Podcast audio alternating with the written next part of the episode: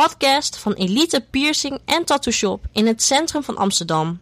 Piercings Works, open elke dag van half elf ochtends tot 10 uur 's avonds. Podcast 7.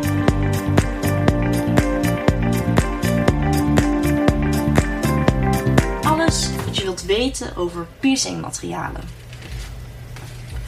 Alles wat je wilt weten over piercingmaterialen. Alles wat je wilt weten over piercingmaterialen, maar wat je niet durft te vragen. Als je wilt dat de specificaties van de materialen van piercings voor jou geen geheim meer zijn, dan ben je hier op het juiste adres. 1. Titanium. Voor de eerste piercing is het materiaal dat wordt gebruikt titanium. Er bestaan natuurlijk verschillende soorten kwaliteit van titanium.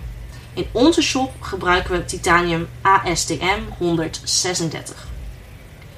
Titanium is ideaal voor eerste en geheelde piercings omdat het ingeschikt is met de EU Nickel Directive dat werd geïntroduceerd in Europa in 2001.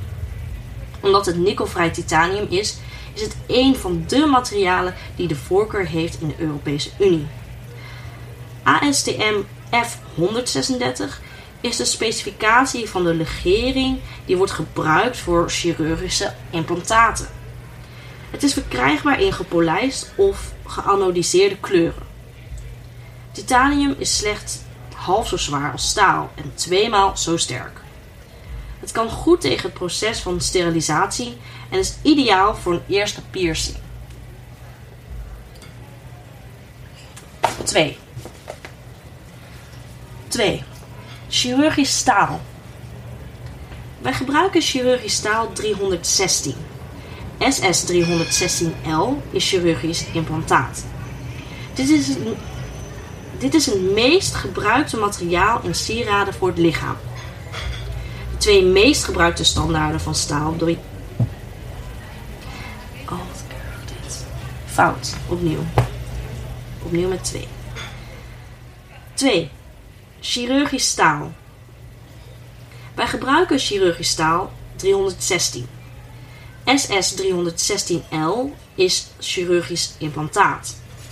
Dit is het meest gebruikte materiaal in sieraden voor het lichaam. De twee meest gebruikte standaarden van staal die hiervoor, worden gebruikt. Opnieuw. Oké, opnieuw met nummer 2. 2. Chirurgisch staal. Wij gebruiken chirurgisch staal 316. SS316L is chirurgisch implantaat. Dit is het meest gebruikte materiaal in sieraden voor het lichaam. De twee meest gebruikte standaarden van staal die hiervoor worden gebruikt zijn ASTM F138 en ISO 58321. Wij gebruiken dit niet voor een eerste piercing. Ook al kan het gesteriliseerd worden en is het nikkelvrij. Het is zwaarder dan titanium en daardoor duurt het genezingsproces langer. Materiaal met kwaliteit verandert niet van kleur en glint meer dan titanium.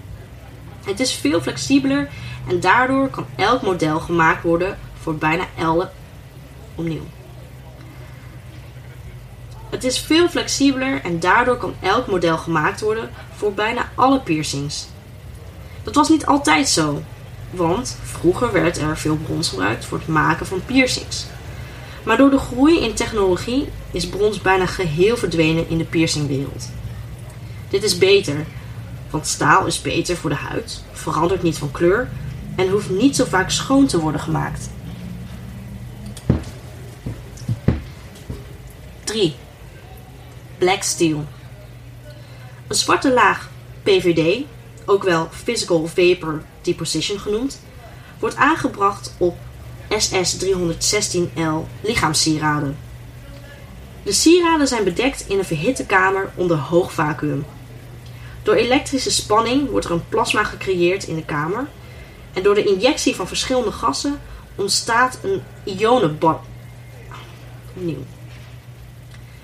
Door elektrische spanning wordt er een plasma gecreëerd in de kamer en door de injectie van verschillende gassen ontstaat een ionenbombardement. Dit bombardement verstuift het kathode materiaal in kleine stoffen. Die worden afgezet op de sieraden. Het resultaat is een geharde laag die biocompatible is. Dit is het geheim van de zwarte piercings. Maar bij verschillende producenten gebeuren deze processen op andere manieren. Dit is waarom de kleuren er bij goedkope piercings vrij snel vanaf kunnen komen en de lichaamsdelen waar de piercing geplaatst is kunnen beschadigen. Als je niet zeker bent met wat je wilt kopen in verband met schadelijkheid, dan kan je kiezen voor zwart titanium in plaats van black steel. 4. Zircon steel. Zircon steel is niet erg populair omdat het slechts een klein beetje helderder is dan normaal verguldsel. Maar het heeft een fijn voordeel doordat je het jaren kan dragen zonder een allergische reactie te krijgen. Zircon Gold PVD. Oké, opnieuw. Zircon Gold PVD coding is toegepast op SS316L lichaamssieraden. De sieraden zijn bedekt in een verhitte kamer onder hoog vacuüm. Door elektrische spanning wordt er een plasma gecreëerd in de kamer en door de injectie van verschillende gassen ontstaat een ionenbombardement. Dit bombardement verstuift het kathodemateriaal in kleine stoffen. Die worden afgezet op de sieraden. Het resultaat is een geharde laag die biocompatible is. Over het algemeen wordt het alleen gebruikt voor tunnels en neuspiercings. 5. Goud PVD. We zijn aangekomen bij een erg populaire piercing, vergulde piercings.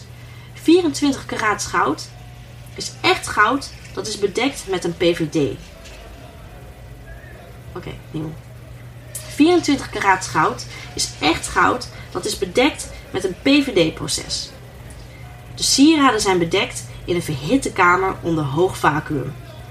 Door elektrische spanning wordt er een plasma gecreëerd in de kamer en door de injectie van verschillende gassen ontstaat een ionenbombardement.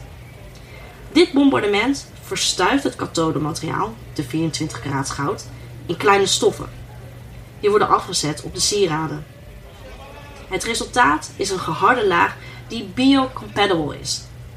Wij verzoeken deze piercing alleen te gebruiken als de plek van je piercing geheel genezen is en dit materiaal nooit te gebruiken bij het stretchen van het oor. 6. Roségoud PVD. Echt roségouden. Okay, Echt roségouden legering is bedekt met een PVD-proces. De sieraden zijn bedekt in een verhitte kamer onder hoog vacuüm. Door elektrische spanning wordt er een plasma gecreëerd in de kamer en door de injectie van verschillende gassen ontstaat een ionenbombardement. Dit bombardement verstuift het kathodemateriaal, de Real 14 22 karaat rosé gouden legering, kleine stoffen die worden afgezet op sieraden. Het resultaat is een geharde laag die biocompatible is. Het ziet er mooi uit en is goed te combineren met andere sieraden. 7. Bioplast. We zijn een grote fan van Bioplast. We gebruiken het als eerste piercing, als mogelijke tweede piercing en als oplossing voor alle problemen in verband met ontstekingen enzovoort. Bioplast is een handelsmerk van medische kwaliteit kunststof. Het werd opgericht in 1998 in Oostenrijk en wordt nog steeds geproduceerd in Tirol. Het werd voorheen verkocht onder de naam van PMFK, totdat in 2003 de naam Bioplast het handelsmerk werd. Bioplast is biocompatible, flexibel en kan op elke lengte worden gesneden met sluiting. Oké, opnieuw. Bioplast is biocompatible, flexibel en kan op elke lengte worden gesneden met sluiting. Bioplast past zich aan de lichaamstemperatuur en niet aan de buitenluchttemperatuur, zoals metalen. Daarom krijgen mensen die bioplast dragen minder zwellingen en infecties. Het genezingsproces met bioplast is daarom ook sneller dan bij andere materialen. Er zijn geen allergische reacties, want er is geen nikkel. Bioplast kan worden gesteriliseerd in een autoclaaf. Het heeft ook een concurrerende prijs en komt in acht hippe kleuren. Opnieuw. Het heeft ook een concurrerende prijs en komt in acht hippe kleuren. Kunnen worden gecombineerd met SS316L of titanium.